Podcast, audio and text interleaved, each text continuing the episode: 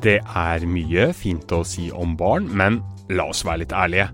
De ljuger så det renner. Ofte om helt spinnville ting, som at de har spilt fotball mot Ronaldo. At de har vært på Nordpolen. At de har rydda rommet, og du åpner døra, og du vasser i leker og klær og kan bare slå fast Nei, det skjedde ikke det, din lille løgnhals. Og så blir barna eldre, og løgnene blir kanskje grovere. Og så begynner de å stjele ting. Sjokolade, sminke, apper og spill på ditt kredittkort.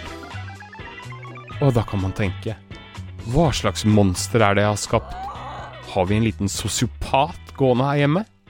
Hvor er moralen? Men tenk deg om. Er ikke du egentlig like løgnaktig sjøl?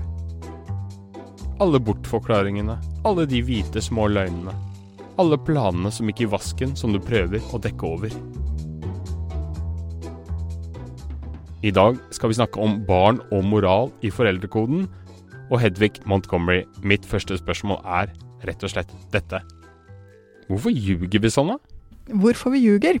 Ah, vi ljuger av gode grunner. Vi ljuger for å smøre situasjonen, redde ansikt og leve et godt liv.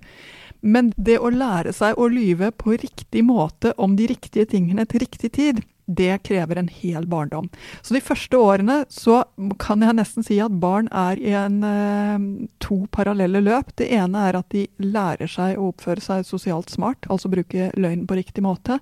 Det andre det er at de lærer seg å forstå og forholde seg til regler og samfunnets krav, altså det som man kan kalle for moral.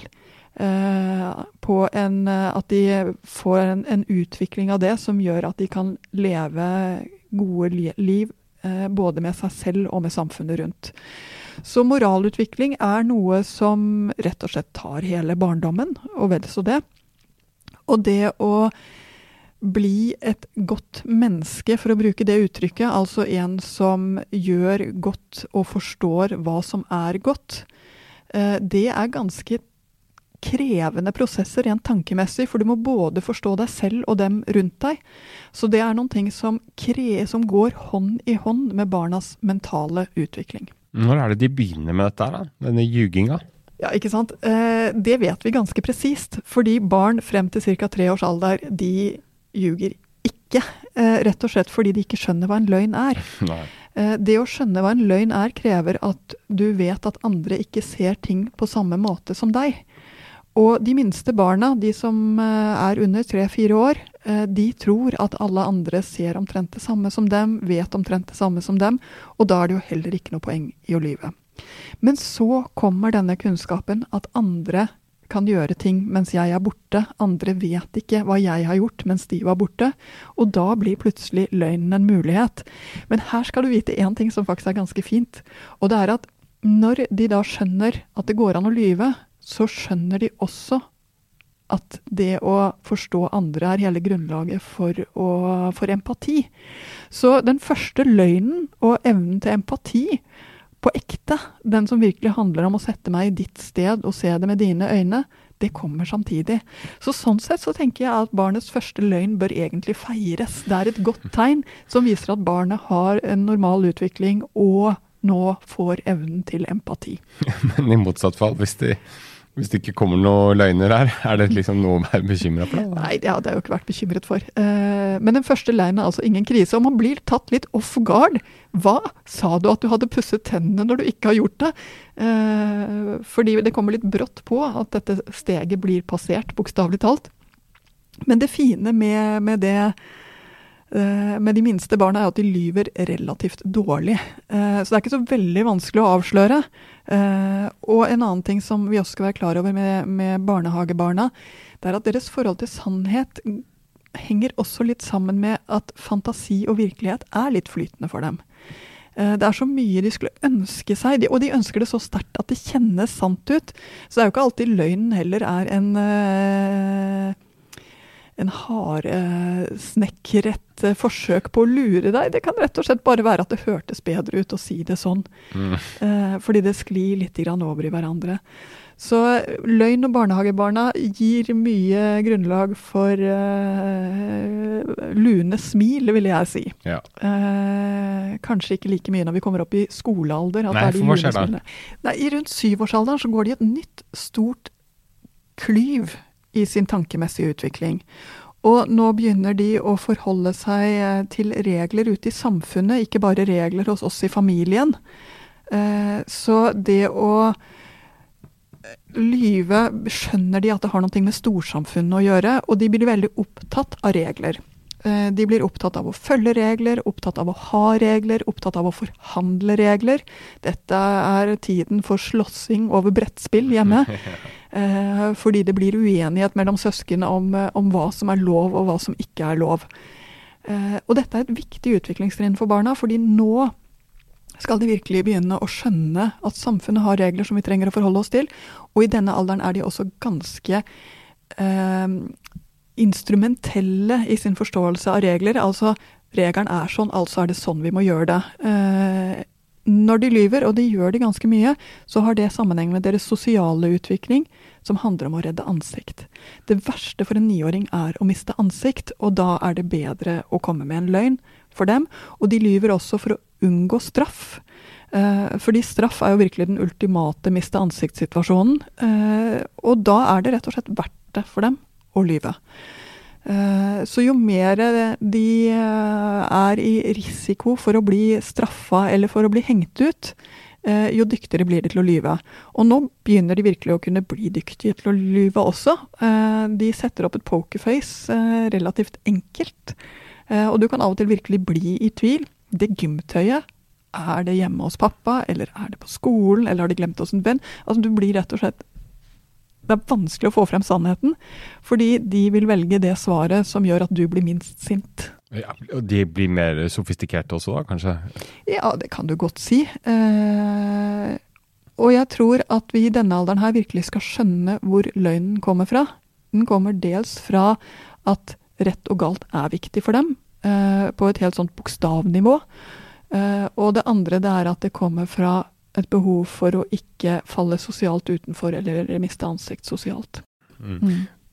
Bare før vi liksom går, hva skal man si, analyserer disse løgnene litt mer, kan vi gå videre i utviklingstrekka her. For hva er, som, hva er som skjer da etter at de er over dette mellomtrinnsstadiet? Ja, så kommer de opp i ungdomsskolealder. Eh, og i ungdomsskolealderen så går de både et nytt tritt i måten de tenker på, og i sin forståelse av samfunnet. Så nå begynner de å skjønne at reglene har en grunn.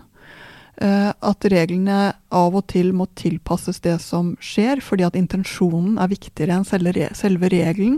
Så de begynner å, å få et mer komplekst forhold til, eh, til moral, til hva som er årsaken til at vi har regler. De kan diskutere etikk på et mye høyere nivå. Og de begynner å bruke løgnen nesten utelukkende for å redde sosiale relasjoner. Altså redde hverandre, eller redde den forelderen som eh, blir angrepet av den andre, eller hva det nå kan være for noe. Så de begynner å bruke løgn på en eh, mer sofistikert måte, som handler om å høre til, høre sammen Eh, og å redde hverandre. F.eks. Så, så vil en 14-åring eh, kunne lyve om hva en venninne har sagt, sånn at ikke du skal ringe til mammaen til venninnen. Eh, fordi det hadde vært dårlig for venninnen. Eh, en 14-åring eh, kan lyve om hva som skjedde hjemme hos eh, mamma når foreldrene ikke bor sammen, for at ikke skal, pappa ikke skal bli sint på mamma. Eh, fordi det, det, er viktig å beskytte mamma rent moralsk i en sånn situasjon. Så vi ser at de begynner å, å forholde seg til løgn og moral på en mye mer sosial måte, som ikke handler om å redde eget skinn, men som handler om å redde hverandre. Som egentlig er ganske fint, ja. eh, men som av og til eh, også blir veldig vanskelig eh, for oss som står rundt. Fordi vi skjønner jo at det ikke er helt sant. Mm. Samtidig så skjønner vi så er faktisk hensikten ganske fin.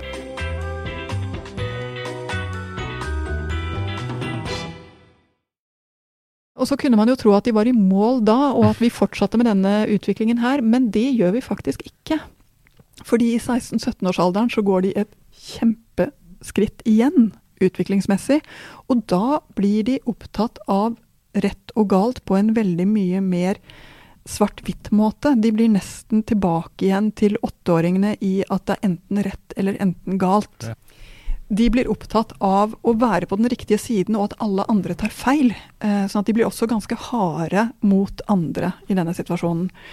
Eh, på mange måter så er dette ganske viktig å vite, fordi at denne rettferdighetsforståelsen og at eh, foreldre har gjort feil og ødelagt alt, denne her som jo er et ganske tydelig uttrykk for at de vil videre, de vil til et bedre sted, gjør dem også litt sårbare for ekstreme holdninger, for ekstreme tanker, fordi de er villige til å gå så langt både i fordømmelse og i å gjøre det rette. Eh, at det rett og slett kan være farlig både for dem selv og samfunnet. Så Det er jo en av forklaringene til at 16-17-åringer er de letteste å radikalisere. Mm. Rett og slett for det passer som hånd i hanske i deres moralutvikling. Så man kan enten da er sårbar for å havne egentlig i helt feil miljø, eller altså at moralutviklingen på en måte misbrukes, men også da at man kan bli mer aktivistiske for positive saker uh, og sånt også, da, sånn som klimasaken f.eks. Eksempel. mm. så, så, det der er en fase som er interessant, og som varer opp til et sted i begynnelsen av 20-årene for de aller fleste. Hvor de så igjen begynner å se intensjonen bak, begynner å se at man må tilpasse og se større på det. Uh, og får en mer fleksibel uh, forståelse av lover og regler, og også ljuginga.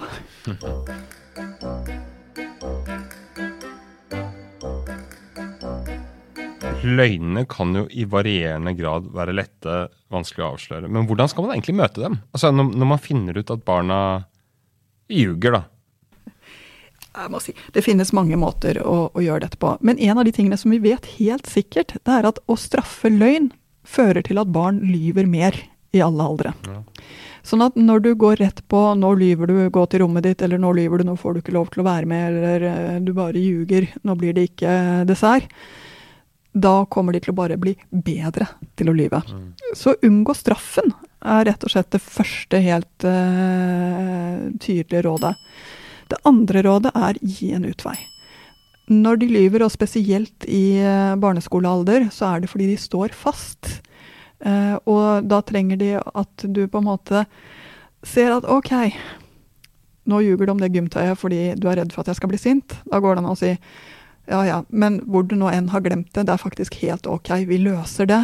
Eh, da, det, da gir du en mulighet for sannheten å komme frem, og da vil den ganske ofte gjøre det. Så gi en utvei er en viktig del av det å hjelpe barna å snakke sant. For hvis sannheten er mulig å tåle å bære for deg, så er den også mulig for dem å si.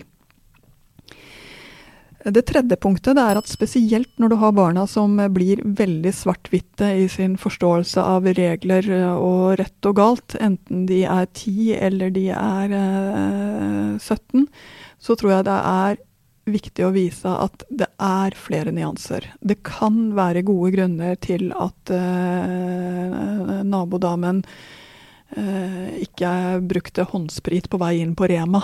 Eh, det kan være ting som gjør som forklarer det, og som barna trenger bare å høre at ja, men av og til så blir det sånn, og det er greit. Så du må selv ikke gå i, eh, i den svart-hvitte fellen, men vise at det er litt nyanser. Og så må jeg si at det siste punktet er vel kanskje litt uh, banalt, men allikevel.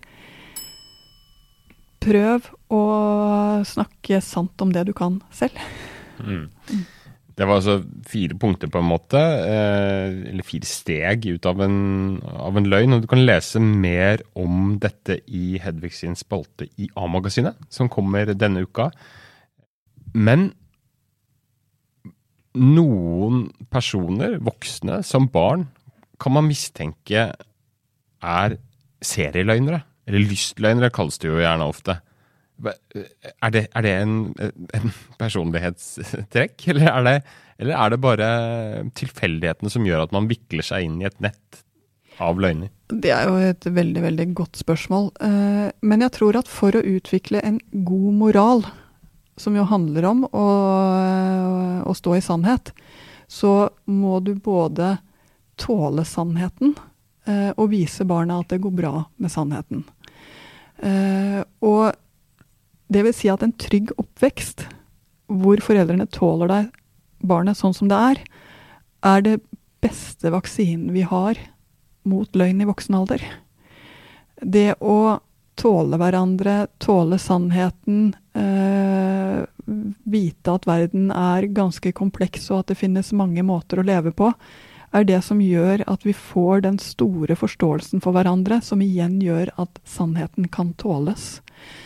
Så jeg tror at man skal være klar over det at dette er ikke Dette er langsiktig utvikling hos barna som gror best i de trygge familiene, som gror best der hvor sannheten tåles, og der hvor det finnes rom for tvil og usikkerhet, og hvor det finnes rom for at ting av og til skjer. Der vil det også være lettere å lage en sannhetskultur, hvis vi skal kalle det det. Løgner er jo én ting, men så er det dette med stjeling, nasking, som en del av våre lyttere er opptatt av. Vi har i hvert fall fått noen innspill på det. Og jeg glemmer aldri, altså en venn av meg selv, veloppdratt og kristen i blodet sitt, han begynte på ungdomsskolen, så begynte han plutselig å loppe den lokale butikken for loff og frokostsalat. Altså sånn eh, på rutinemessig basis i storefri. Uten at han egentlig hadde noen sånn forklaring på hvorfor. Eh, for han hadde penger og osv. videre. og da tenkte vi nå har du svikta i eh, karakteren din her. Men, men hvor typisk er det? Altså, ganske mange barn tar på et eller annet tidspunkt og stjeler noe. Enten fordi at impulsen blir for sterk, de klarer ikke å stå imot. Fristelsen blir bare for sterk. Men bryte grenser, liksom gjøre noe crazy, eller hva er det? da? Da, altså, de står der, og så bare skinner den øyenskyggen eller den frokostsalaten så mye i, eh, mot deg at du bare tar den. Uh, og det er nesten litt vanskelig å forklare i ettertid. Uh, og så går det jo ofte bra. Uh, og da kommer vi inn i det som er vanskelig, nemlig at det finnes ikke egentlig noe naturlig stoppunkt. Fordi hva skal da gjøre at du ikke tar den frokostsalaten neste gang, mm. eller neste gang, sånn som kompisen din gjorde. Nå må jeg bare si de aller fleste som nasker, gjør det en gang eller to og så gjør de det ikke mer. Uh, og når vi er nede på barneskolealder, så er veldig mye av dette her Impulsen blir for sterk, uh, og de har ikke helt sånn forståelsen for hvorfor det er så galt som det det faktisk er. Uh, mens når vi kommer opp i ungdomsskolealder, så handler det om relasjon, altså det å ta noen ting for å være sammen med gjengen. De andre har det, de andre syns det er kult. De andre Altså, det fører til en nærhet som de trenger i denne alderen. Eh, og det betyr vel Altså Når det er ditt barn som er nasket, for det første må jeg bare si det må du snakke med barnet ditt om. Mm. Eh, og ut ifra hvor gammelt barnet er, forklare vet du hva, det kan du ikke gjøre. Fordi da er det noen annen som taper de pengene, eller da er det noen annen som må betale mer. altså Du må rett og slett bli veldig tydelig. Eh, og også forklare at dette er en av de tingene du faktisk som voksen havner i fengsel for. Altså, du, må, du, må, du, må, vise frem mm. dette bildet. Uh, men jeg hadde ikke satt dem i husarrest eller blitt rasende. Jeg hadde sagt sånt skjer, og nå har du gjort det, men da trenger du også å vite dette.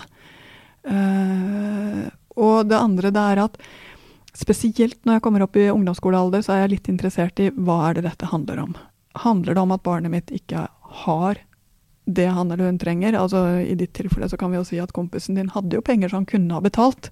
Men en del eh, ungdomsskoleelever og, og, litt eldre elever de stjeler rett og slett fordi de føler at de ikke har det som skal til, og at det får dem til å føle seg utenfor.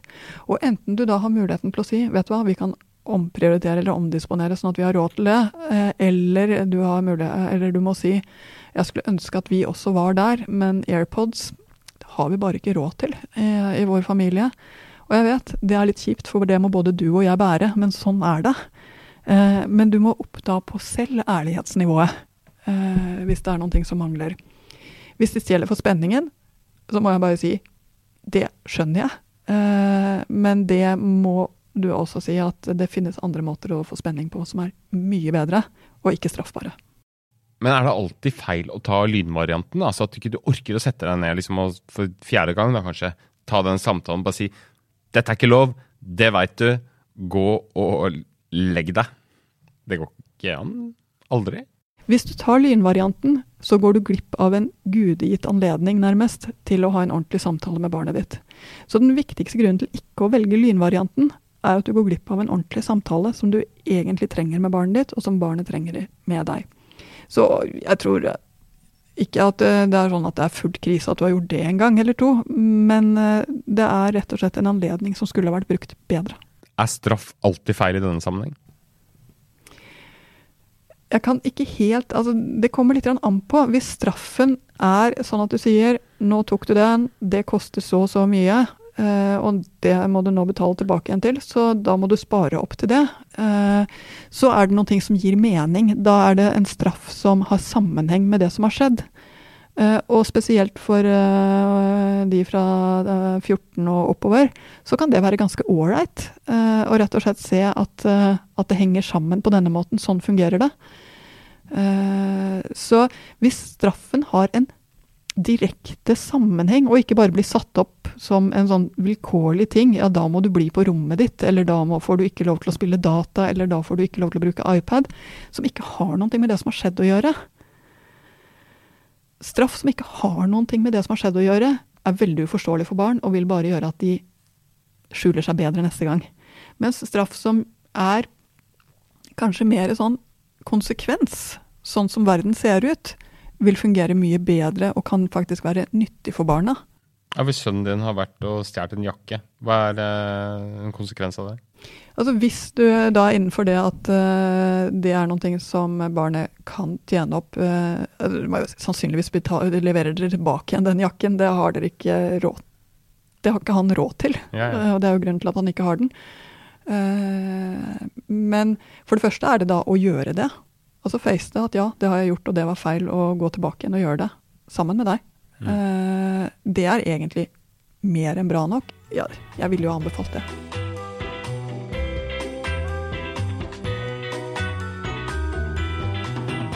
Vi snakket om løgn her i stad, men det er en mamma som har sendt oss en uh, melding om niåringen sin, som overdriver og dikter og drar på i alle sammenhenger, som er lett å avsløre, som at han f.eks. kommer hjem og forteller at han datt på sparkesykkelen og knuste sykkellykta, som er like hel, altså helt uskyldig, eller at katten tok salto og ga en high five. Altså sånne spinnville ting. Hva, hva, er det de driver med da? Hvorfor gjør de det? Og jeg bare si, Kattene som tok salto er jo kjempesøt. Det er et deilig bilde. Eh, deilig bilde. Og den hadde jeg gitt ham en high five for og sagt for et fantastisk bilde. Det kan jeg se for meg når du sier. Mm. Eh, her hadde jeg absolutt tatt det med humor. Når det gjelder sparkesykkellykten, så hadde jeg ikke gjort noe mer av det enn å si godt det ikke gikk verre enn dette, da. At lykten fortsatt er hel, i hvert fall. Uh, dette hadde ikke jeg tenkt det var så mye med, men jeg ser at en del barn havner i denne type overdrivelsessituasjoner for å lage balanse. De syns at de andre er kulere, og så må de da dra på litt ekstra for å komme opp på nivå. Og her er det en ganske vanlig alder. Ser det også hos en del barn som bor i to forskjellige hjem, at i det hjemmet hvor det er litt kjedelig, så forteller de fantastiske historier fra om hvilke ferier de skal på, som ikke er planlagt i det hele tatt, eller hvilke fantastiske middagsretter de skal lage, som ikke er uh, innenfor rekkevidde i det hele tatt. De rett og slett drar på så mye ekstra for å kompensere der hvor det er for lite. Eh, og det betyr vel også at det viktigste å gjøre der, det er å ikke få dem til å miste ansikt enda mer, men det er å, å sende det lille smilet og si OK, skjønner. Ja, for jeg tror det hun moren lurer på i denne sammenheng, er hvor langt kan det liksom bare dras av gårde uten at man går inn og liksom korrigerer litt? Men De skjønner ganske godt når du korrigerer litt.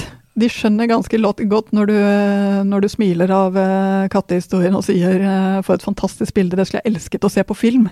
Eller når du smiler litt av sparkesykkelhistorien og sier 'skikkelig på trynet, men bra dere er like hele begge to'. Altså, De trenger at du viser frem at du har skjønt hva som er sant, uten at du arresterer dem eller gjør situasjonen verre for dem. Det er greit å sitte her og prate om barn som ljuger, men det skal sies, vi voksne gjør jo knapt annet. F.eks. i en småbarnsfase hvor man drar fra den ene hvite løgnen etter den andre. Bør man helst unngå det? Da må jeg bare si at verden uten løgn vet jeg ikke om jeg hadde hatt lyst til å leve i. Grunnen til det er at de hvite løgnene, det som gjør at dagen går og at du kommer deg ut av det, ja. er nødvendig for å leve godt sammen. Eh, så de hvite løgnene det vil si de, de, de, du tyr til for at det skal kunne være ålreit stemning og ålreit oss imellom. Eh, de har mye for seg. Men du kan ikke lyve om de viktige tingene. Du kan ikke lyve om de store spørsmålene. Du kan ikke lyve på om du er syk eller frisk, om uh, dere har penger eller om dere ikke har penger. Du kan ikke lyve om de eksistensielle tingene. Og det handler også om noen ting at skal du leve et godt liv, så må ikke spennet mellom virkeligheten og det du forteller, være for stort. Da får du rett og slett noen ting som river deg i stykker. Så for meg er ikke et, løgnen handler ikke om at det er galt å lyve. For meg handler løgnen om at det er galt å ikke leve et liv i sannhet. Eh, og det er det vi må strebe etter. Vi må strebe etter at både barna og vi tåler virkeligheten sånn som den er. Oppsummert på slutten her, Hedvig. Det viktigste av det vi har snakket om nå, hva er de tre knaggene som står igjen? Det å utvikle en moral tar noen og tyve år, så vær klar over at barna er nybegynnere på moralfeltet. Det andre det er ikke straff løgnen, da blir de bare bedre løgnere. Men det tredje er vis at du skjønner, og nikk til den sannheten som ligger bak den løgnen. Da hjelper du dem videre. Og implisitt i dette var kanskje hva man absolutt ikke skal gjøre, men hva, hvis du skal destillere ned til én ting, hva er det? Ikke bli så overrasket over at barnet ditt lyver. Det er en del av barndommen. Da gjenstår det egentlig bare å si tusen takk for at du har lytta på oss, fordi dette var den siste ordinære episoden i høstens sesong. Ha en nydelig dag, en herlig uke, og så håper vi at vi høres. Ha det bra.